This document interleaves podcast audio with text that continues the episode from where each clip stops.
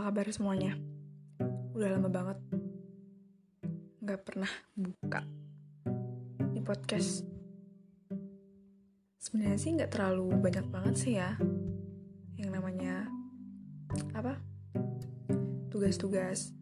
Tapi emang kalau dipikirin ya terasa banyak banget sih. Kayak setiap hari aja dikasih-kasih gitu. Tapi sebenarnya nggak setiap hari juga.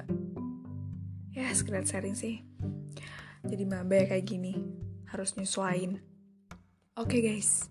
Tema kali ini aku akan flashbackin ceritaku dulu um, berapa tahun lagi ya? Um, 2016 tepatnya waktu aku kelas 8 eh kelas 7 kayaknya. Kelas 7 SMP atau kelas 8 SMP sekitaran segitu ya. Nah jadi dulu tuh aku tuh suka banget tuh uh, udah kelas 8 kelas 8 SMP kenal sama pramuka terus tahu gugus depannya kita tuh apa apalagi di yel yel yel yelnya dan tiba-tiba uh, setelah semua sebenarnya belum kejadian apa-apa tentang itu. Jadi waktu itu ceritanya kita lagi pramuka. Uh, terus entah mengapa uh, kakak-kakaknya tuh minta kita tuh suruh buat permohonan pada waktu itu juga. Dan aku yang waktu itu emang mungkin ya bukan labil. Emang waktunya banget ya waktunya para anak-anak muda anak baru gede ya kan? Yang waktu yang baper-bapernya gitu. Dan aku ngerasa aku pengen deh. Nanti suatu saat nanti jodohku tuh seperti Muhammad Al-Fatih. Jadi waktu itu ceritanya kakak pembimbing kita waktu di eh, SMP Pramuka itu ceritain banget tentang Muhammad Al-Fatih dan bener-bener kalau kalian tahu sejarahnya keren banget dia sebagai uh, apa penakluk benteng Konstantinopel yang bener-bener dari zaman kakek nenek moyangnya yang dulu bener-bener udah bener-bener berusahain buat naklukin benteng itu nggak ada yang berhasil. Dan cuma dia yang berhasil. Dia itu hmm, nggak hmm, pernah bolos sholat berjamaah nggak pernah absen tahajudnya nggak pernah ya kalian tahu sendiri orang-orang dulu meskipun nggak semuanya tapi emang dia tuh bener-bener uh keren banget. Seandainya ada di dunia ini cowok kayak Muhammad Al wow aku merasa merasa nggak tersanding banget gitu. Merasa aku tuh paling jauh ya iyalah jelas. Oke okay, gak usah ngelanyar-ngelanyar langsung aja. Jadi ceritanya dulu gitu. Waktu itu aku diam-diam tuh suka banget gambar punggungnya laki-laki seorang pahlawan. Dan entah mengapa di di pikiranku selalu terlintas seorang tentara pejuang. Tapi dia bukan hanya memperjuangkan negara kita tapi juga negara Palestina orang-orang Islam di sana orang-orang Muslim di sana. Gak tahu kenapa aku gambar. Biasanya kalau laki-laki tuh rata-rata orang gambar tuh biasa aja ya tapi di situ entah mengapa yang namanya pundak namanya pundak tuh aku bidangin tuh. Jadi kayak lebar banget gitu. Jadi kayak ya emang udah kelihatan banget sih itu kan kayak tentara gitu. Dan aku berharapnya gitu. Dan gak tau kenapa kenapa jadi kenyataan gitu. Dan aku masih ada kok bukunya di pundak kiri apa kanan ya bendera Palestina. Terus di sampingnya ada sedikit skat kayak pemisah gitu loh. Di situ aku gambar aku merasa diriku sih.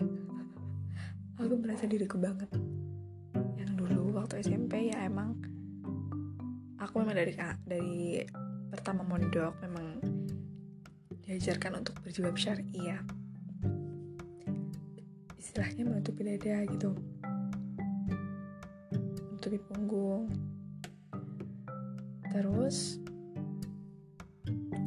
dan aku gambarlah di situ. Dan aku merasa itu aku yang perempuan. Dan entah mengapa aku nggak tahu yang lagi siapa. Karena waktu itu belum ada siapa-siapa. Dan beberapa minggu setelah itu gak tahu kenapa yang namanya anak-anak juga ya teman-teman sekelasku tuh pada ngejodoh-ngejodohin kan kita satu angkatan. Putra putri itu beda. Ada beberapa anak yang ngejodoh-jodohin gitu.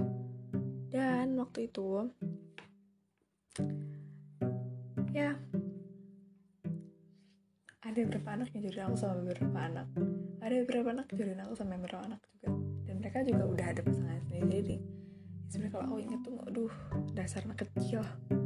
Tapi kenapa sampai ke bawah sekarang itu nyatanya si dia dia dia dia dia yang pernah aku sebutin di podcast sebelumnya ya itulah dia sekarang. Dia sekarang jadi tentara. Tapi kenyataan terpahitnya sebenarnya sih nggak pahit sih asem. Juga sih emang ini kenyataan yang emang harus udah aku terima. Gadis di samping itu bukan aku tapi orang lain. Dan aku emang orangnya ya stalker banget ya. Jujur aku emang cari tahu oh dia emang orangnya kayaknya sih baik. Dan emang visualisasinya aku gambarin di kertas itu di buku itu ya sesuai sih sama gambaran si perempuan itu. Yang seharusnya aku tapi di dunia tuh bukan aku. Dia kita sebut aja si N ya. Kita sebut N. Si N itu benar-benar ilustrasinya persis. Dan aku beberapa tahun setelah itu nemuin sebuah uh, gambaran kartun yang benar-benar di situ ada, ada seorang tentara sama seorang perempuan berhijab dan hijabnya tuh syari gitu. Sesuai banget sama aku yang gambar kenapa jadi begini? Gitu aku benar-benar bingung. Kenapa nggak aku aja gitu? Nggak mungkin sih. Aku mikir kenyataan aku tuh masih jauh banget sama dia. Kalau menurut muka ya namanya meskipun cantik itu relatif ya. Ya aku nggak merasa aku cantik emangnya ya aku perempuan sih. Aku merasa aku cantik karena aku nggak ganteng. Uh, dia tuh orangnya Chinese gitu ya nggak Chinese banget. Maksudnya ya kan kalau orang sipit pasti dibilang Chinese Chinese gitu kan nih Korea Korea atau Jepang Jepang lah seperti itu. Dan beda lagi sama diriku yang matanya tuh belok. Ya bisa lah kalian bilang aku ke Arab Araban deh. Dan si cowok itu dia yang dulu pernah aku sebutin di podcast sebelumnya dia memang orangnya tuh mungkin tipe-tipenya seperti itu ya. Soalnya dia juga kayak gitu ke Chinese Chinesean ya so ya udahlah. Setelah beberapa tahun kayaknya baru beberapa bulan kali ini aku bisa move on. Cuman pengen terima kasih aja sama masa lalu yang sebenarnya tuh nggak pernah jadi kisah. Cuman sekedar figuran aja di hidup aku. Cuman akunya yang terlalu menjadikan dia tokoh utama. Padahal sebenarnya tokoh utamanya bukan dia kenapa aku malah nyasar? Dan sekarang ya udahlah mungkin aku pembuat skenario untuk kisah mereka kan? Ilustrasi bagi mereka. Cuma sebagai ilustrator. Bukan pemain. Dan dia bukan pemain utama di ceritaku. Dia hanyalah figuran yang sempat mampir.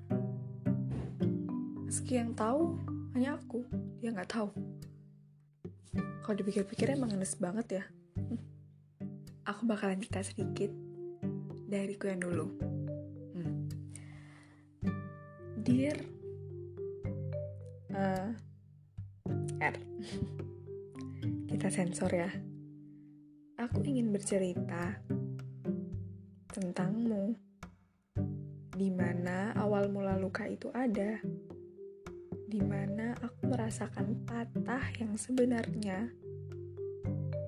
Di mana aku merasakan kecewa karena seorang ikhwan, karena seorang lawan jenis yang saat itu aku kagumi. Di mana pertama kali aku menangisi seorang ikhwan karena kesalahanku sendiri. Kenangan itu selalu menguar jika diingat berputar silih berganti dengan adanya rotasi waktu, mengulang kejadian masa silam yang seharusnya hanya dijadikan pelajaran dan pengalaman. Tapi diriku malah merasakan lagi rasa itu. Bagai memasuki mesin waktu untuk kembali pada kisah dahulu. Kenangan itu terukir, meski hanya aku yang ingat. Mungkin, tak apalah mungkin memang sudah menjadi jalan takdir. Ya, itu sepenggalnya. Dan it's now. Oke. Okay. Sekarang bukan dia. Benar-benar nggak ada. Udah cukup, cukup, cukup. Tunggu waktunya yang tepat. Terima kasih udah dengerin podcastku yang sekarang ini benar-benar mendadak, amburadul, dan gak tahu apa artinya mau aku ceritain sama kalian tentang ya seperti inilah hidup. Kita bisa rencanain apa yang kita impikan saat ini, tapi kita nggak berhak pada suatu saat nanti. Impian itu bakalan terjadi atau enggak? Yang tahu cuma yang di atas. Maka saat ini, banyak-banyaklah berdoa dan berusaha. Mau bagaimanapun usahanya, kalau nggak dibarengin sama syukur, ikhlas, dan kebaikan, dia nggak ada apa-apanya. Jadi tetap berusaha dalam jalan yang lurus. Terima kasih teman-teman. Dah.